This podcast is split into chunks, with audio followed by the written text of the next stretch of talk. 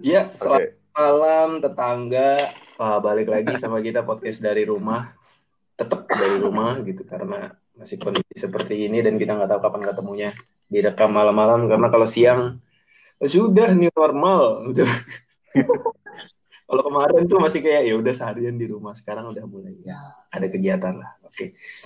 Kita udah lama nggak nggak komplit berempat sesuai dengan gambar yang ada di podcast ini. Gitu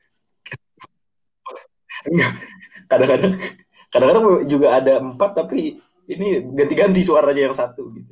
Ya. Biasanya bertiga ya. Jadi kita jarang banget bisa bisa bener-bener berempat. Pengennya sih ke depannya nanti ada satu momen yang berempat dan kita live. Karena selama ini kalau gue pikir sih ya gitu kualitas audio jadi kurang bagus tuh karena emang kita streaming aja sih. Terus sinyal lah apa segala macem kita dari rumah masing-masing lah ya. Mudah-mudahan kita bisa kumpul-kumpul berempat ngobrolnya lebih ngalir sih menurut gue nggak apa-apa ini masukin aja. Betul. Eh, sebelumnya nih oh berarti Dian yang bakal gue tanya paling terakhir. Gue mau nanya di Arif dulu Arif. Jelasin dulu dong kita kenapa, mau bahas apa nih? iya. oh, eh, belum dulu kan gue nanya kabar tetangga dulu. Oh iya. Oh, iya, iya. iya dong. Ada isu-isu terbaru kah ada apakah? Mungkin. Sudah mulai ada yang kampanye untuk 2024 di komplek Anda siapa tahu Iya. kalau di Iya, kalau di rumah aneh uh, ini sebenarnya sih sekarang lagi ini sih ya, lagi uh, ke mana-mana mesti pakai masker ya. Maksudnya bahkan masuk pasar pun sekarang pakai masker loh. Dulu kayaknya sebelum new normal kayaknya masuk uh, apa masuk pasar nggak nggak perlu pakai masker. Sekarang gara ada yang dekat sini kemarin Pak, pasar Rawasari itu 14 orang. Iya, mungkin, mungkin. So, ya. Rame kan di berita. Jadi jadi maksud gue, gue mau bilang uh, di new normal malah makin ketat gitu daripada pas waktu corona gitu. Kalian. ya, itu aja sih kalau dari gue. lanjut, lanjut. Padit, Padit di gua lu tahu gak sih di gua kan kantornya di Sentul ya. Uh, ya. di gua itu sekarang mulai teror baru gitu. Jadi kan udah ada corona gitu ya. Nah di kantor gua itu kemarin ketemu ular. Nah kalau ular doang tuh nggak masalah kan dipoto kan sama teman gua dipoto terus ditanya sama temennya dia yang bener-bener uh, pencipta alam lah. berarti dia tahu lah spesies-spesies reptil gitu. Nah, dia bilang itu tipe tipenya apa yang ntar gue bacain ya. Uh, ulernya itu namanya Rhabdiat, Rhabdi gue baca ya. Rab, Rhabdopsis subminiatus. Jadi dia ular gitu belang-belang gitu dan itu beracun gitu anjir. Jadi gue sekarang ancamannya ada dua nih nggak corona doang nih, ular sekarang nih. Apa ini uh, dit si apa Panji masuk uh, apa masuk sekantor sama lu gitu jadi banyak ular Gak jadi Enggak, kayaknya karena ini tau gak sih karena kan orang tuh udah jarang ya, jarang ada aktivitas gitu. Jadi ular-ular tuh pada keluar nanti ya. Hmm. Nah, kayaknya iya, sama iya, iya. kayak gitu. Iya, iya, iya, betul, betul, betul. Oke. Oke, oke. Ada, ada kejadian yang ya lumayan gitu ya. Kalau ada ular-ularan. Nah, kita ini kan mau masuk ke salah satu topik yang cukup kita semua pernah melewatinya dan terutama sedang ada salah satu dari kita yang sangat-sangat merasakan fase ini. Kalian gue tanya dulu kabarnya gitu. Sekarang dia lagi. Oh iya. Halo Pak Dian. Oh, Kang nih, ayo Kang, ceritain dong. Sekarang lagi gimana keseharian Anda? uh, kalau gimana? Gue sebagai pengangguran kelas menengah. emang apa beda pengangguran kelas menengah sama kelas atas tuh? Apa bedanya tuh? Ada klasifikasinya ya? Pengangguran kelas atas? Enggak kalau gue sih sehari-hari ya gue sekarang lagi ini men lagi karena kayak pengangguran gitu kan kayak bebas ke mana-mana gitu. Gue lagi bantuin temen gue yang lagi pengen nge YouTube kan gue bikin kontennya ngedit ngeditnya kayak gitu paling kalau uh, di sini karena kayak nggak ngaruh banget kayak ya nggak kayak ada corona kayak biasa aja di sini wisata masih dibuka gitu kan soalnya rumah gua kan deket ke Hmm. pantai gitu kan jadi tempat wisata pantai gitu. masih tapi pada tapi buka, intinya kan udah lu, pada buka lu gitu sehari-hari nih sebenarnya ibaratnya masih ada berkegiatan lah gitu keluar rumah gitu kan Hmm, kalau gua nyari-nyari kegiatan biar gak di rumah mulu. Kesibukan. Kita nyari kesibukan gitu ya. Iya, kayak soalnya di rumah mulu gua Iya, iya. pusing men. Tapi kan lu ada ya? ada itu, ada Bukan project pusing. kan tuh. Bantu-bantuin teman. Ah, Iya, itu, itu salah Ah, satunya. betul, Gua betul. biar gak di rumah di mata tetangga itu tidak bernilai pak selama keluar selama keluarnya belum pakai seragam Gimana, gimana? belum pak oh iya udah. Gue juga sama anjir. Gue kan sering pakai kaos kalau keluar. iya kan kemarin cerita ya ini mertua Iya. lu lihat nih apaan sih seragam seragam.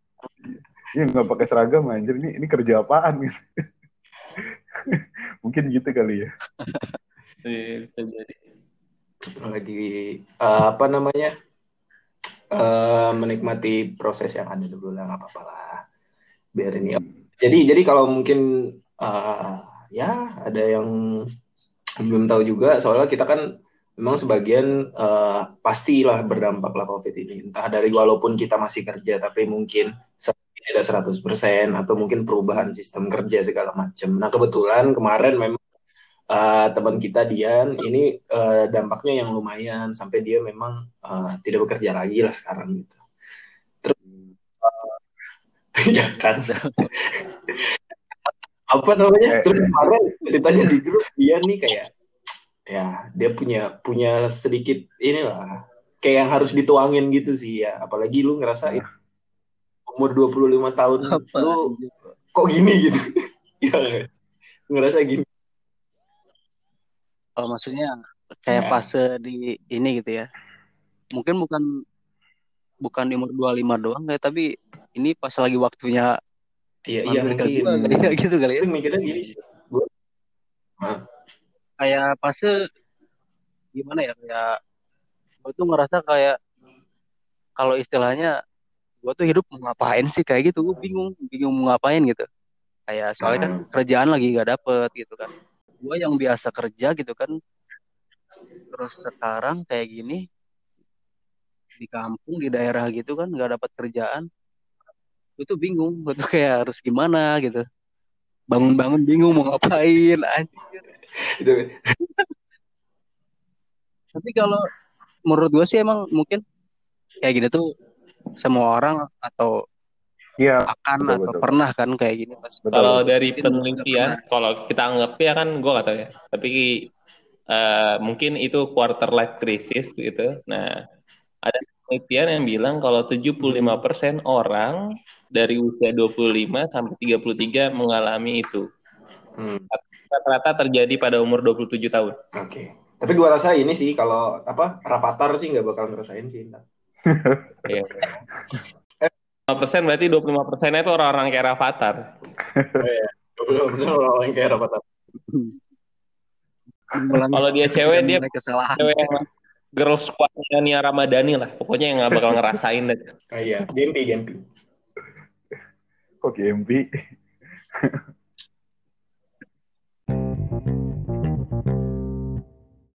Lu kalian pernah kayak gitu juga sih atau Eh, Gimana gimana? gimana? Gimana gimana ya? kita mau, kita mau tahunya dulu kalau gua, gua mau Iya, tahu keresahannya dulu dong. lu se sedip apa sih gitu kayak Iya, betul betul. mana sih maksudnya yang lu rasain sekarang itu sedalam Oh, apa iya, iya. ininya buat lu enggak masa masalahnya gini kan. Gue kayak lagi di dalam fase itu, ini lu 25 ya apalagi Lu- misalkan teman-teman Ya, kebetulan lu lagi umur 25 tahun gimana? Ya dan bulan depan gue 26. udah kita kita sebelum sebelum emang lu eh, ibarat kan mau ngeluarin unek-unek dulu baru ntar kita cerita gimana apa-apa kita Betul. betul. lewatin ya mungkin kita bisa kasih sedikit gambaran kita ngelewatinnya gimana dulu gitu. Atau Iya kita sih. bisa ngasih masalah Ah, lebih rumit. kita iya kita nggak nggak janji 100% solusi juga sih tapi yang nanya korban begal gitu ya. Gua korban begalnya gitu. Ya paling kita mau dengar dari lu dulu nih. Lu eh, sedalam apa sih ngerasanya posisi lu sekarang ini? Se sebawah apa sejatuh apa gitu? Nggak sejatuh apa sih. Kayak kayak Iya. gue lagi ngerasa ini ya. Di usia gue sekarang misalkan gue kan apalagi gak ada kerjaan gitu. Di sini teman-teman gue kayak gimana ya rata-rata umur umur segini teman-teman gue tuh udah kayak udah pada nikah gitu kan.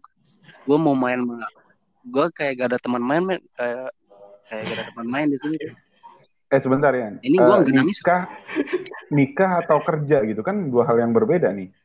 Enggak gini kan misalkan gue kan lagi kerja di sini hmm. sementara Ah. gue kayak gak ada temen gitu di sini gitu kan teman-teman gue udah kayak pada ke mana gitu kan Oke. Hmm. gue kayak mau main kayak gak ada temen makanya gue nyari nyari temen gitu jadi jadi jadi podcast ini sebenarnya satu-satunya temen lo gitu. enggak. Apa gimana? tapi kayak temen yang bisa nyambung banget gitu diajak ngobrol tuh jarang gitu Oh gitu. Dan kalaupun ada udah nikah gitu maksud lo ya. ya sebagian ya ada Oke. tapi seumuran lu nih gue pengen tahu kalau di sana kebanyakan misalnya nikah atau atau belum nikah juga nggak apa-apa deh. Maksudnya seumuran lu teman-teman main lu kebanyakan kerjanya apa? Maksudnya dia bidang apa? Apa dia masuk udah PNS kah? Hmm, atau usaha apa? Eh, gimana ya? Kalau ini kan kayak posisinya tuh di daerah gitu men. Oke. Mm-mm. oke gue ngomongnya bukan bukan kebelet nikah yang ngomong kayak gini. Iya. Jadi posisinya Paham kok Pak kita Pak. posisinya di daerah. Hmm. kayak kerjaan tuh kayak terbatas gitu men kayak Benar benar benar. Gua ngerasain gue itu. kayak kantoran apa di sini nggak ada paling desa kayak itu kan Mm-mm, Iya. rata-rata mayoritas di sini petani kalau kayak anak muda kayak gue misalkan ya kebanyakan ke luar kota gitu luar Hmm. kota gitu. Iya kebanyakan kayak Kalau yang nikah-nikah itu rata-rata kalau rata-rata di sini gimana kebanyakan petani kalau Hmm. kemarin gue teman gue tuh teman gue yang kadang bikin podcast bareng juga kan YouTube bareng tuh Tuh dia kebetulan ada ini kerjaan dia tuh wedding fotografer fotografer gitu oke. ya sebagian sebagiannya nggak ada kayak gitu pada ke kota banyak agak flu nggak apa-apa Hmm, sehat gak apa-apa, gak apa-apa. mungkin kayak gitu sih kayak resikonya itu karena lu lebih ngerasa kayak eh, nggak menurut lu, lu terlalu membandingin diri nggak sih dengan tem- teman-teman lu di situ kalau membandingin diri perasaan itu pasti ada men kayak hmm.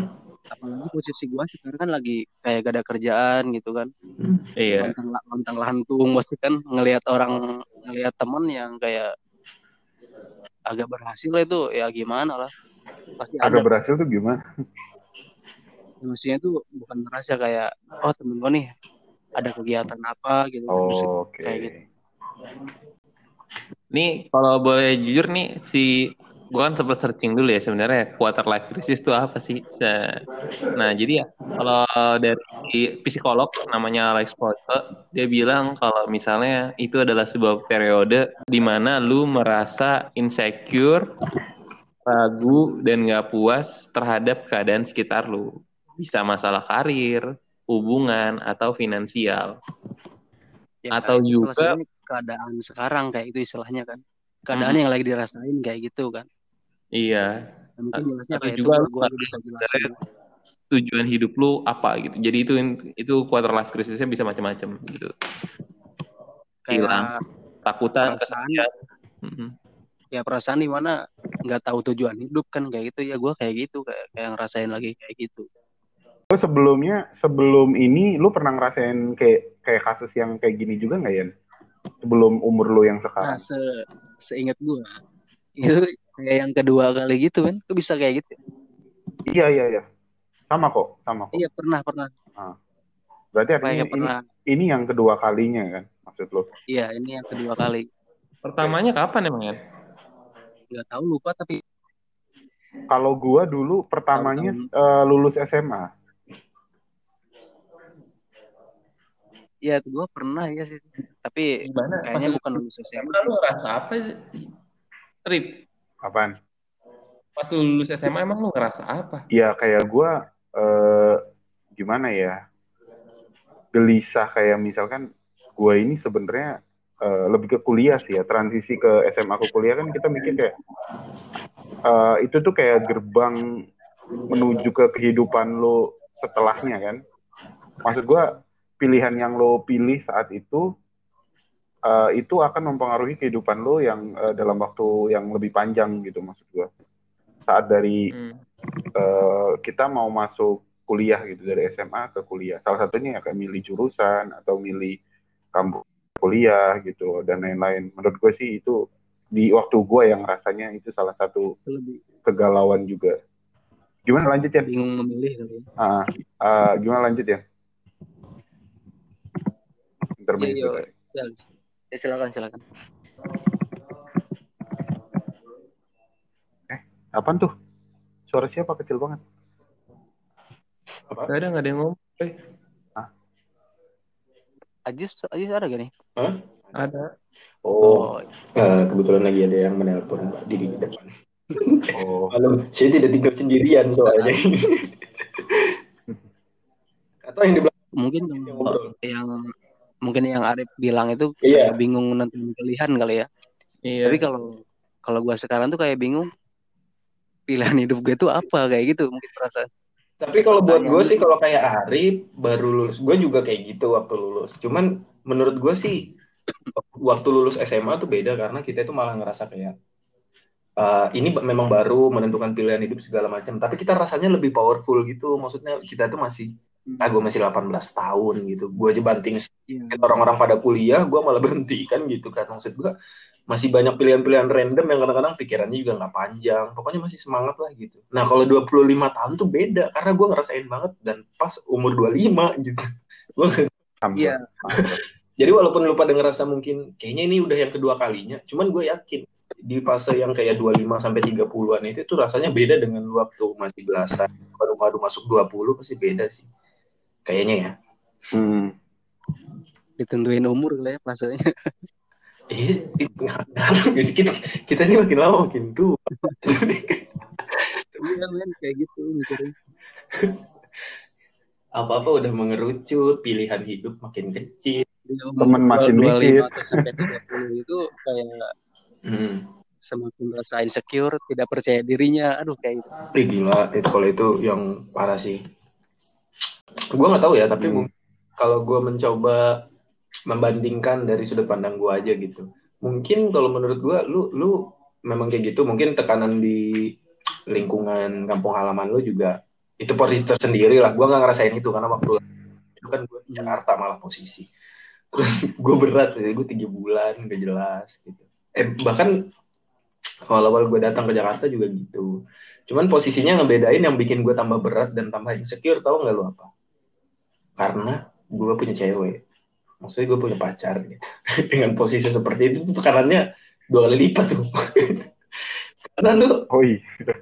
itu gimana ya? Dikit-dikit lu jadi ngerasa, ih gue nggak nggak bisa kayak cobain nih kayak ajakin apa, terus beliin apa gitu. Oh itu berkali-kali lipat itu. Yan, maksudnya maksud Ajis tuh gini, lu tuh masih mending Yan gitu. Gue Eh dari sudut pandang gue ya, dari sudut pandang gue. gue ada cewek gitu. Jom. Eh, iya maksudnya gue mengalami yang kayak lu pas nggak ada kerjaan jauh dari rumah lagi gitu kan terus nol pendapatan gitu posisinya gue punya Nah, eh, ibaratnya ya pacar yang Hanya punya tanggung jawab gitu. iya yang kadang-kadang butuh juga untuk update instastory gitu kan jadi eh, ada rasa "Ih, bangsat nih gitu gue gue kok pas lagi sama dia nih gue jatuh gitu. Gue sampai ngerasa gitu. Maksudnya sebelum-sebelumnya oke lah mungkin kalau gue lagi di posisi kayak lu gue nggak bakal kepikiran buat cari cewek men. Sumpah gitu. gue akan cari kerja dulu baru gue cari gitu kan. Anjir. cuman posisinya gue udah sama dia terus gue jatuh gitu. Nah itu yang aduh. Parah pak. Gimana sih lu kayak badannya uang uang kosan uang sehari-hari lu disuplai loh sama dia apa dia lo disuplai loh Anda Gimana? jadi ini. harga diri lu itu sejak tapi kagak diterima kagak ada pemasukan kan Ya di situ ti- tidak percaya dirinya nah, itu parah banget sih itu gue ngerasain anjir. itu titik paling terendah gue di situ jadi transisi sebelum masuk ke pekerjaan gue sekarang itu adalah pas gue lagi sama dia kurang lebih tiga bulan. Itu sumpah gila. Dan gue kayaknya eh gue belum pernah cerita sih sama kalian. Eh, waktu gue pernah di retail juga gitu gue pernah nyoba masuk. Karena kebetulan ada lowongannya di situ sebelum masuk di kerjaan gue sekarang. Udah tiga bulan coy. Masa nggak diterima kan gitu kan? Ada kerjaan nih gitu. Kebetulan bidangnya sama kayak dia cuman memang beda brand. Terus dia udah lima tahun ya gitu. Udah udah punya kekuasaan lah untuk pegang staff gitu. Terus gue baru training jadi kroco gitu. Thanksin dong. Thanksin dong. Kadang-kadang juga. Unt- untungnya beda brand. Kalau satu brand apalagi satu toko uh, nggak gue terima udah pasti gitu. Ah, rendah dan itu gue ngerasain banget. Itu rasanya beda dengan gue dulu waktu gue banting setir. Gue waktu itu sempat berhenti kuliah gue ke Jakarta emang waktu itu fasenya nyari kerja tapi nggak lama lah sekitar satu bulan kurang nggak nyampe lah. Tapi itu gue masih yang kayak gue masih muda gue masih bisa nih gue masih bisa nih gitu. Kalau yang sekarang tuh bebannya gue 25 nih gue 25 ada pasangan lagi dinikahin kapan nggak tahu. Pulang nggak bisa ibaratnya ya gitu. Pulang malu Nah, pulang rindu. Itu kalau itu kalau dari gue ya itu rendahnya di situ. Siapa tahu hmm. mau eh, kiat-kiat sukses Enggak juga sih gue juga belum sukses Adit mana Enggak. nih, Adit? Gimana, Adit? Enggak, kalau di gua, gue mikirnya mungkin yang dirasakan sama Dian adalah eh, transisi kita gitu, transisi kita dari seorang remaja ke orang dewasa itu. Maksud gue gini, kayak gue ngerti kenapa si Ajis bisa merasa kuat banget dulu. Mungkin karena dia masih remaja tuh waktu itu. Kayak pemikirannya, ah gue masih bisa nih, masih bisa nih. Nah, Masih naif lah ya. iya pemikirannya berubah ketika dia punya tuntutan, ketika dia sudah ma- masuk di umur-umur yang dianggap udah dewasa. Hmm, iya, betul. Nah,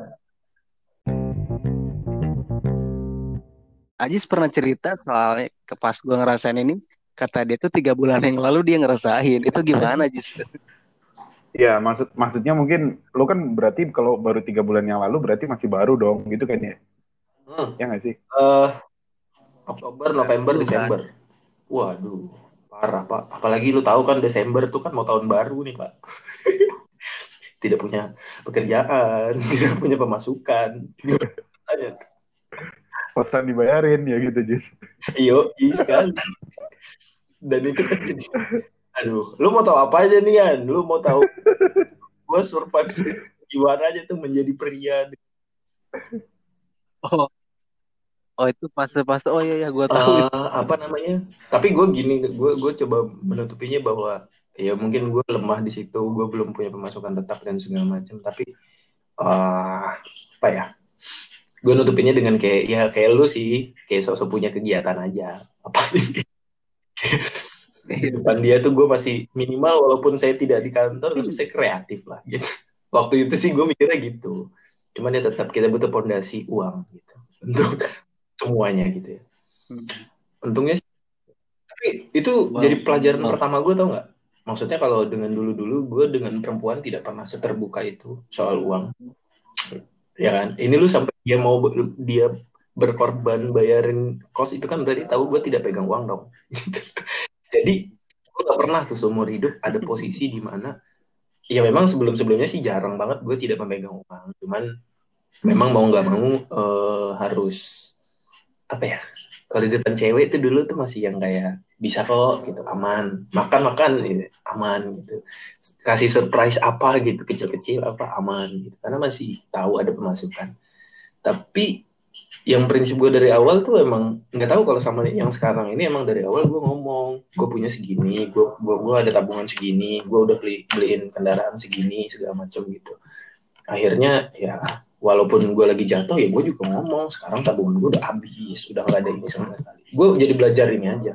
Komunikasi soal uang itu jadi lancar sama dia. Walaupun kadang-kadang ujung-ujungnya jadi perkara juga sih. Waduh, berat mungkin kalau soal itu ya karena gue belum nikah jadi mungkin Arif uh, lumayan tahu maksudnya pada saat gue nggak tahu gimana lu di dalam keluarga uh, ngobrolin duit. Cuman menurut gue uh, jadi salah satu yang pondasi juga dong.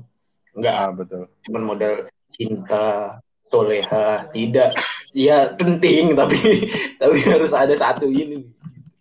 Jadi hmm, uh. aduh berat sih kalau diceritain tiga bulan itu titik terberatnya itu sih gue gue ngerasa insecure banget karena gue tidak bisa memberikan karena eh November ya bulan November itu pasti lagi kayak gitu pas dia ulang tahun. Coba pikirin pak. Tahun pak. Itu ada beban yang kayak gila ini dulu ini dulu mantannya ulang tahun pernah ngasih apa ya? Kan gue pasti mikir gitu dong. Uh, atau enggak ini kode apa uh, cerita gitu. Oh iya dulu aku ini loh gitu. Pasti iya, wah itu tapi lu tau nggak ini gue gue makanya tadi gue bilang gue mencoba menutupinya dengan sesuatu yang gue gue beda nih.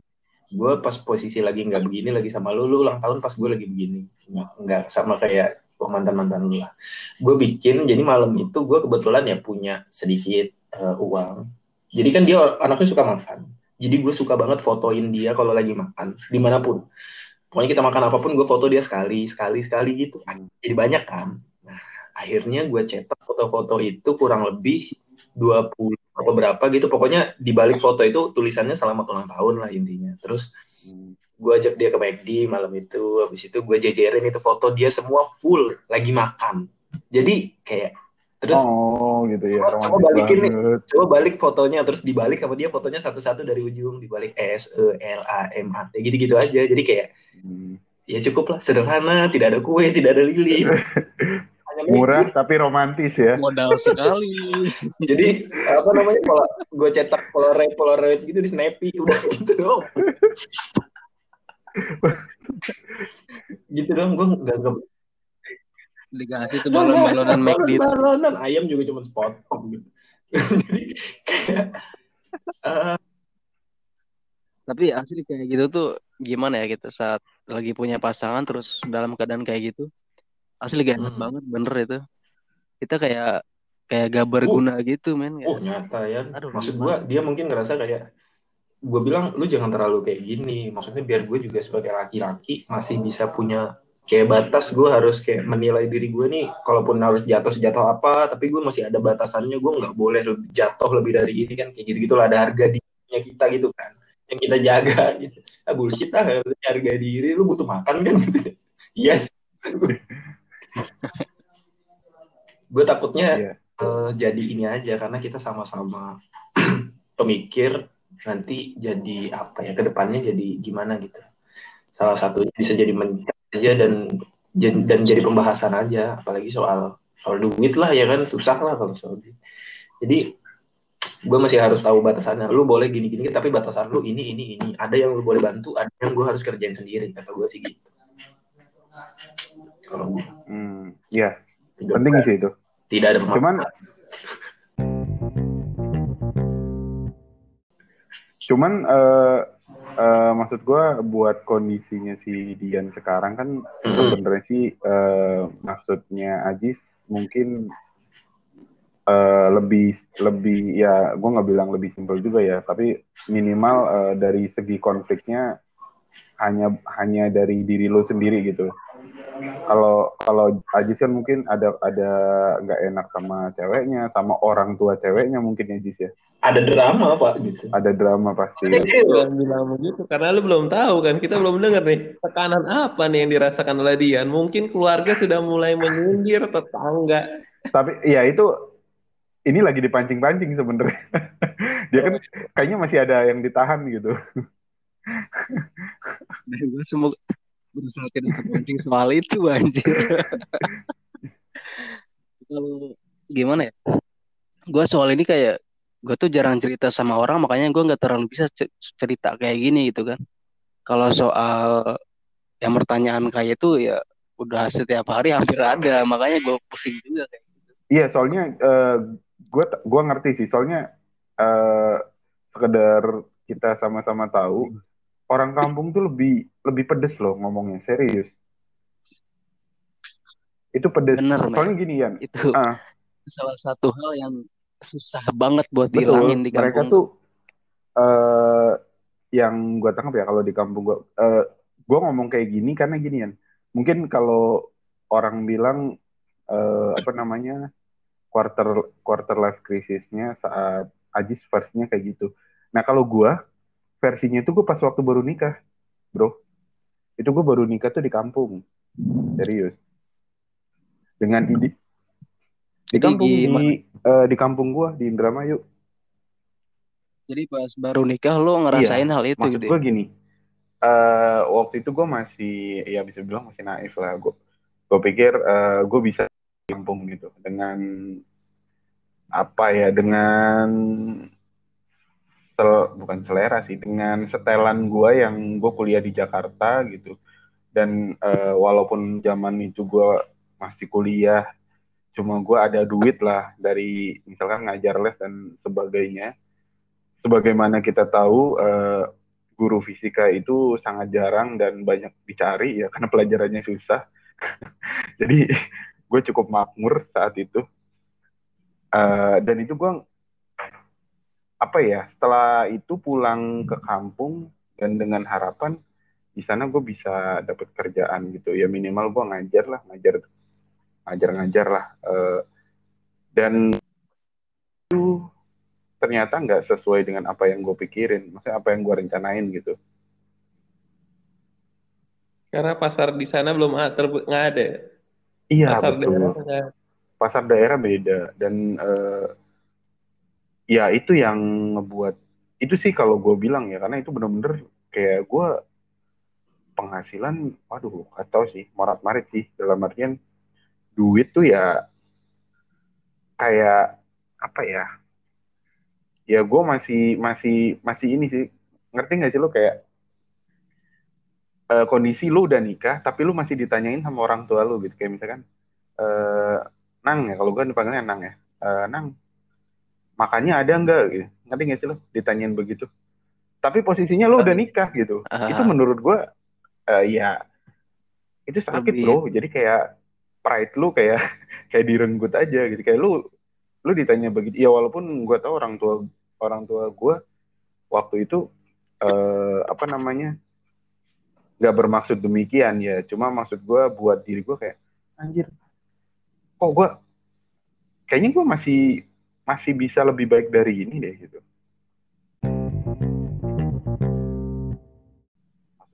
Nah itu yang uh... soalnya kayaknya uh, kalau di kampung itu kayak gimana ya? Kayak orang-orang tua tuh kayak gak tahu batasan pertanyaan iya, kayak gitu betul. gitu kan. Kayak oh ya udah kayak udah biasa aja. Mungkin salah satu hal yang gua gimana ya, gua lagi rasain kayak gitu kayak orang-orang di sini kayak sering nanyain kapan nikah apalagi posisi gue kan belum kerja gitu kan maksudnya lagi hmm. pengangguran gitu kan itu lebih sakit lagi kalau iya. ditanya lagi gak punya kerjaan kemudian duit hmm. kayak gitu anjir pikir dua kali ya karena tekanan lu sebenarnya dua kali lipat bukan cuma masalah tentang keuangan tapi ya. asmara juga ditanya tekanan lu makin tinggi gitu insecure lu makin kuat lah ya anjir Iya itu salah satu hal yang mempengaruhi hal itu. Karena kalau gue jujur gue dua kali, cuma mungkin gue dua kali dengan masa yang berbeda.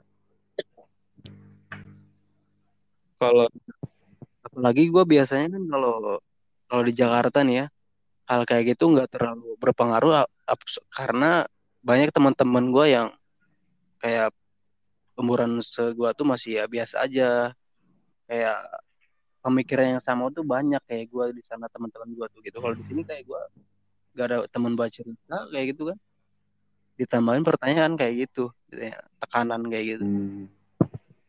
tapi ini selepas dari ini ya selepas dari obrolan ini mungkin ada fakta yang menarik nih. Uh, jadi kita kan generasi milenial nih Nah, generasi hmm. milenial itu dianggap adalah generasi Peter Pan.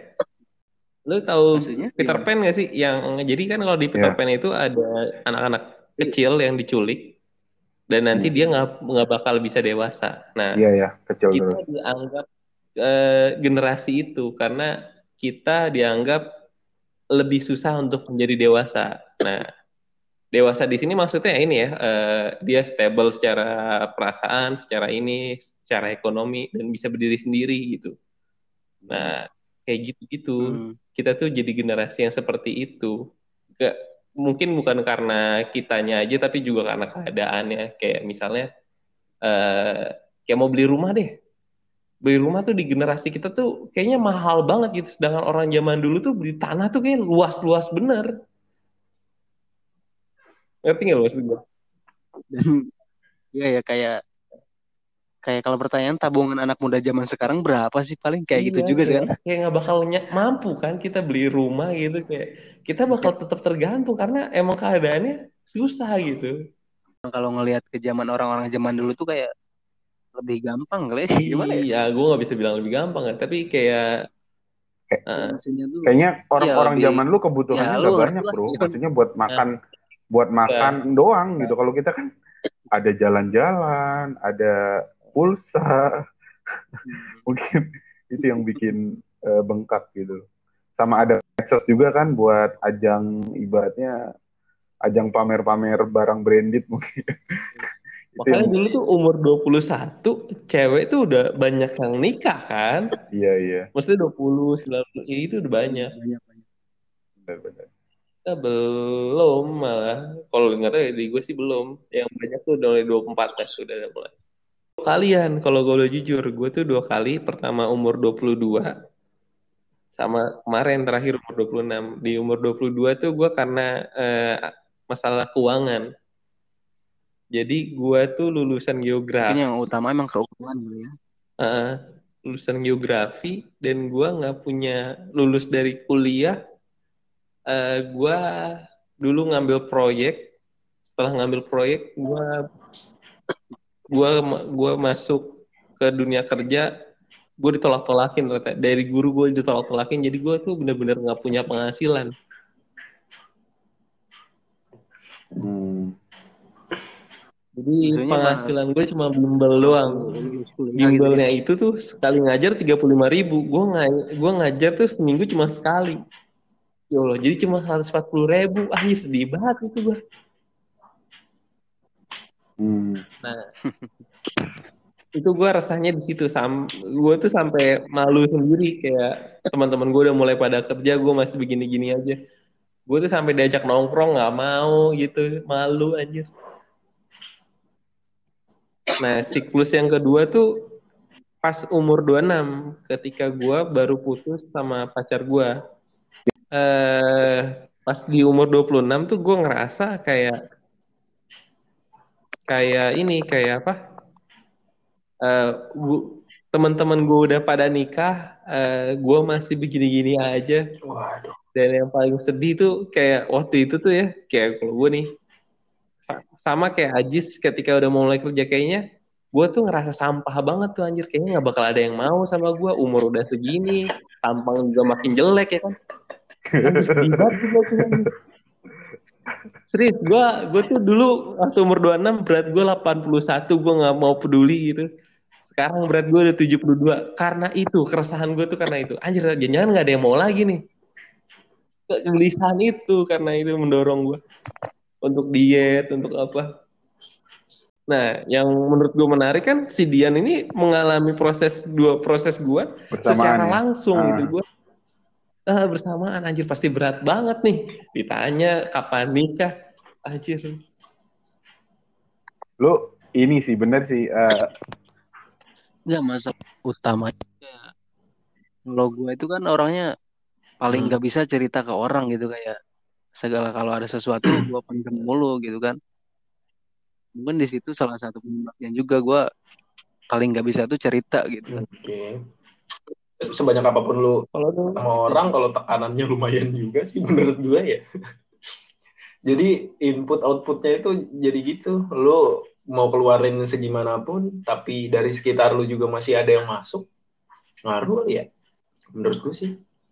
tapi bener sih. eh, Iya. eh, menurut aja sih, sih ya. maksud si Ajis dalam artian lu harus keluar dari lingkungan toksik itu dulu sih Yan menurut gua ya poinnya kurang lebih lah seperti itu Ah, nah, karena akan merasakan dua kali lipat lebih berat Iya, iya. Eh, jujur aja sih iya di ibu kota merantau itu berat. Tapi akan lebih berat kalau gue nganggur di kampung sendiri. Kan gitu. Iya kan? Jadi Gue ngerasain. menurut gue ya eh, eh, ini apa pun kita mau cari jalan keluar tapi selama itu masuk terus yang negatif negatif karena gue orangnya makin tua, makin pengennya optimis optimis ini dalam artian bukan kayak dulu lagi gue menggebu-gebu mau jadi ini mau jadi itu mau ngelakuin ngelakuin. Enggak. Optimisnya gue itu cuman ini gue udah punya jalan nih gitu. Gue jalan dulu dah yang penting konsisten karena emang, emang ini ya, pahit pasti ya perasaan lu sekarang. Mau cerita aja putus gitu. Anjir. iya. Maksud gue tuh, lu tadinya mau mengeluarkan uh, unek-unek segala macam eh, mau dikeluarin putus sinyal udah merestui gitu ya iya sih ya, anjir gue udah Tinggal makanya sampai semua aspek dalam Lu ngomongin media mainstream kali ya? Instagram. oh iya bener lu punya ini apa ya Iya. uh, rencana paling dekat lu Gimana? rencana lu paling dekat ini untuk cara mengubah ke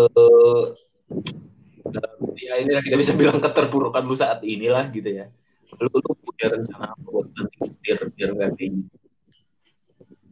cari kerja oke pasti Nggak, cuma sebelumnya gue mau nanya dulu nih sebelum jawab nih. Eh, lu lupa sendiri eh, waktu itu exit plan-nya apa? Atau lu berdamai dengan keadaan lu atau lu ketemu jalan keluarnya?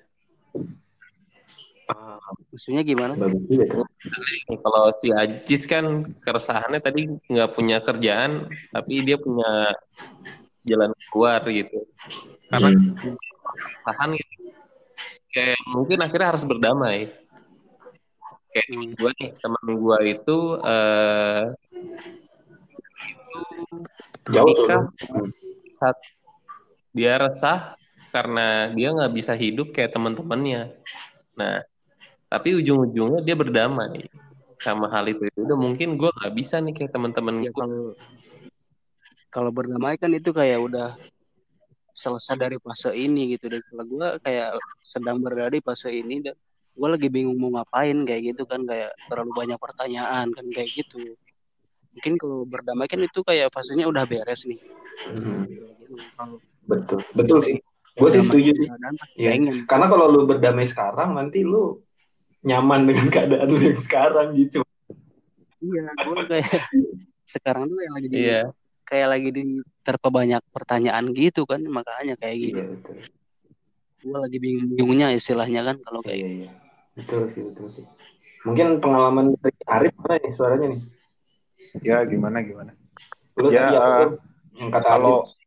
kalau menurut gue sih gini yang perlu di highlight sih kalau dari sudut pandang gue ya lu harus punya plan dan lu harus stick to the plan sih menurut gue karena ya yang pasti sih memang lu harus cepet-cepet.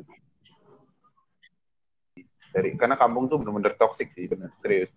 Kalau lu kelamaan di situ ya bener bisa jadi lu akan berdamai dan mungkin eh ya apa ya maksud gua ya lu di level yang mungkin eh, bukan bukan apa ya bukan optimal lu gitu. Maksudnya ya lu mungkin bisa mungkin di kampung gitu dan dapat kerjaan di sana dan hidup biasa aja gitu tanpa maksud gua eh, ya kalau saat eh, apa ya nyari nyarinya pengalaman nih kita lagi kita masa-masa muda kayak gini better sih kita kita fight di Jakarta sih. Karena setelah itu ya walaupun nanti kalah di Jakarta tapi kan mental kita tertempa gitu. Dan itu eh, yang salah satu menurut gua salah satu medan perang kan memang di Jakarta ya. Kalau di kampung kan bisa jadi ya setelah planning setelah pensiun lah. Orang pulang kampung terus pengen nikmatin hidup nah menurut gua kita mumpung masih muda dan gua yakin lu juga akan berpikiran seperti itu sih. Ya lu segera menurut gue segera move sih. Tapi karena kalau lu kalau usaha omongan tetangga lu susah men.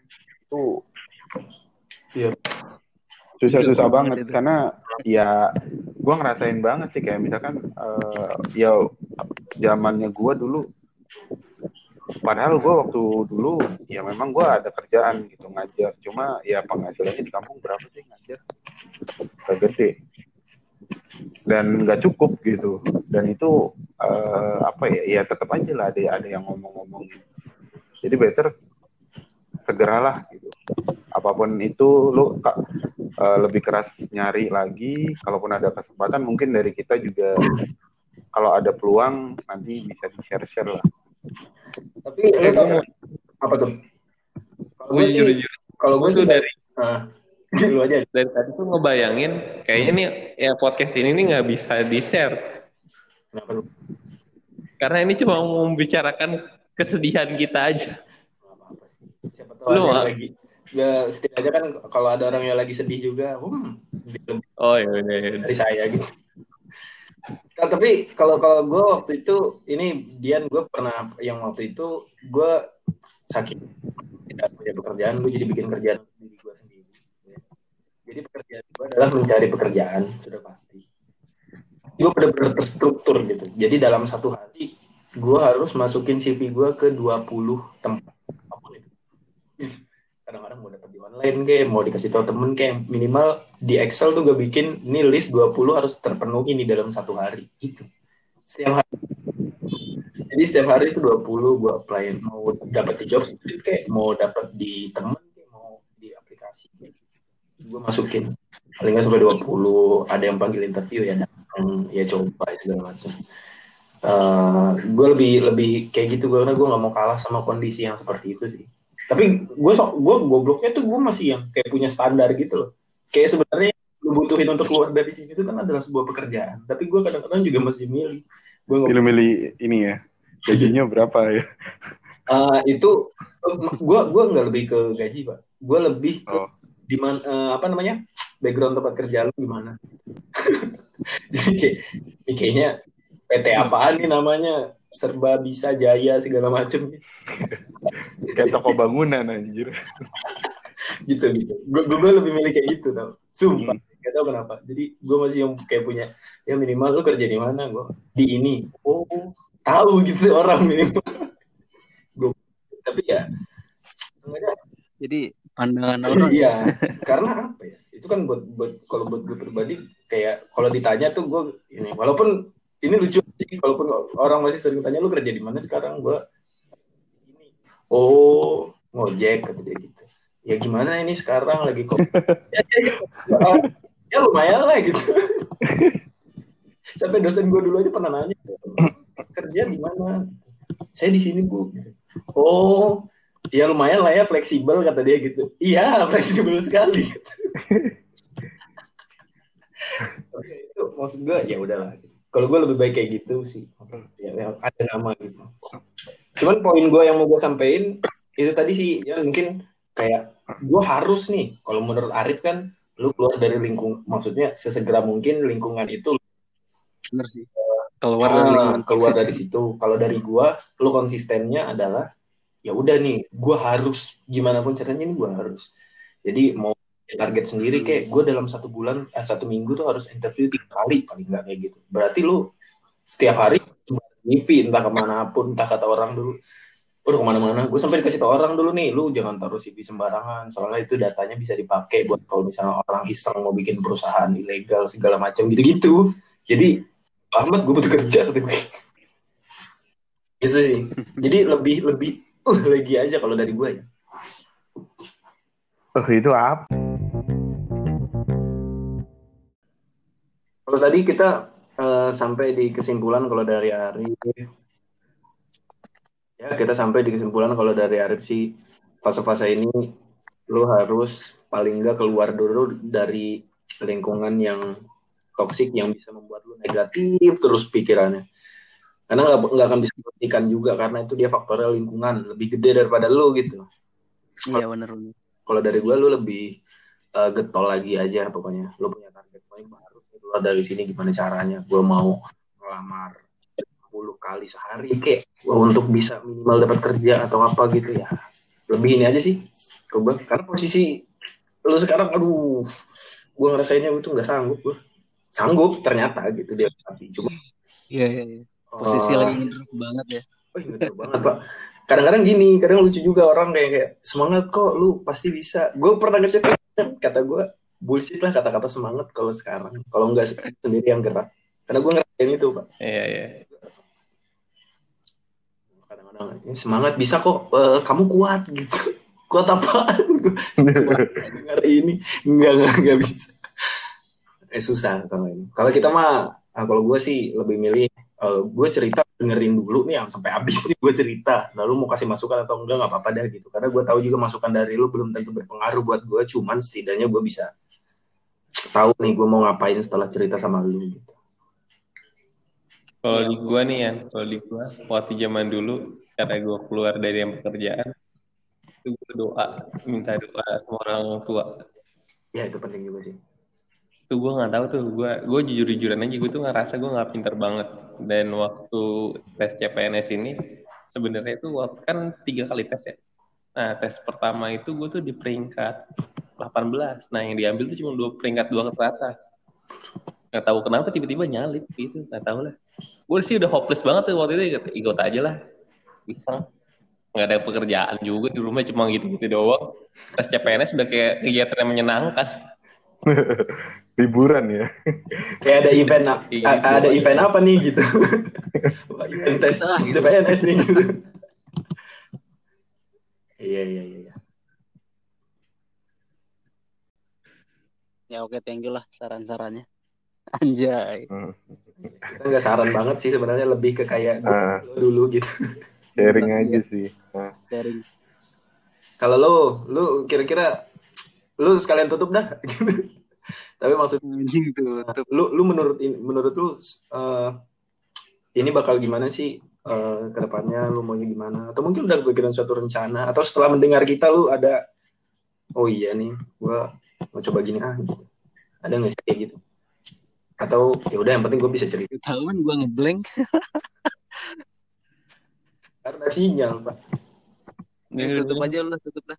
Ah, udah aman, tutup lah. ini apa tapi udah Podcast sudahan apa sih anjing? ya enggak seenggaknya mudah-mudahan ada sedikit sumbangsi lah ya. ya, Nah, ada lah gambaran-gambaran gitu lah. kalaupun tidak banyak yang masuk seenggaknya lu udah banyak keluar Ah, Ya, seenggaknya dengan cerita aja udah Hmm. gimana ya? Terasa plong lah gitu. Iya. hmm. sedikit. Saran juga buat buat yang lain kalau misalnya ada yang mendengarkan dan kebetulan belum mengalami kalau bisa sih Anda sih pasti akan mungkin bisa meminimalisirnya gitu dengan kiat yang Iya, mungkin iya. udah kita sebutkan. Dulu gua begini, oh ya itu jadi jangan jangan deh kayak gini, mungkin Hmm. coba kayak gini ya. Biar lebih meminimalisir quarter life crisis Anda di umur 25 Belajarlah dari pengalaman orang lain gitu. Iya, yang lebih tua. Terus si gue ngerasa udah tua banget aja. Nah, gitu. Ya, itu aja kali ya. Iya udah Istirahat segitu lah. Kalau aja. gitu nanti ah, apa-apa kita ngobrolin lagi. Oke? Hmm. Yuk, thank you. selamat malam ya. Terima kasih. Yo.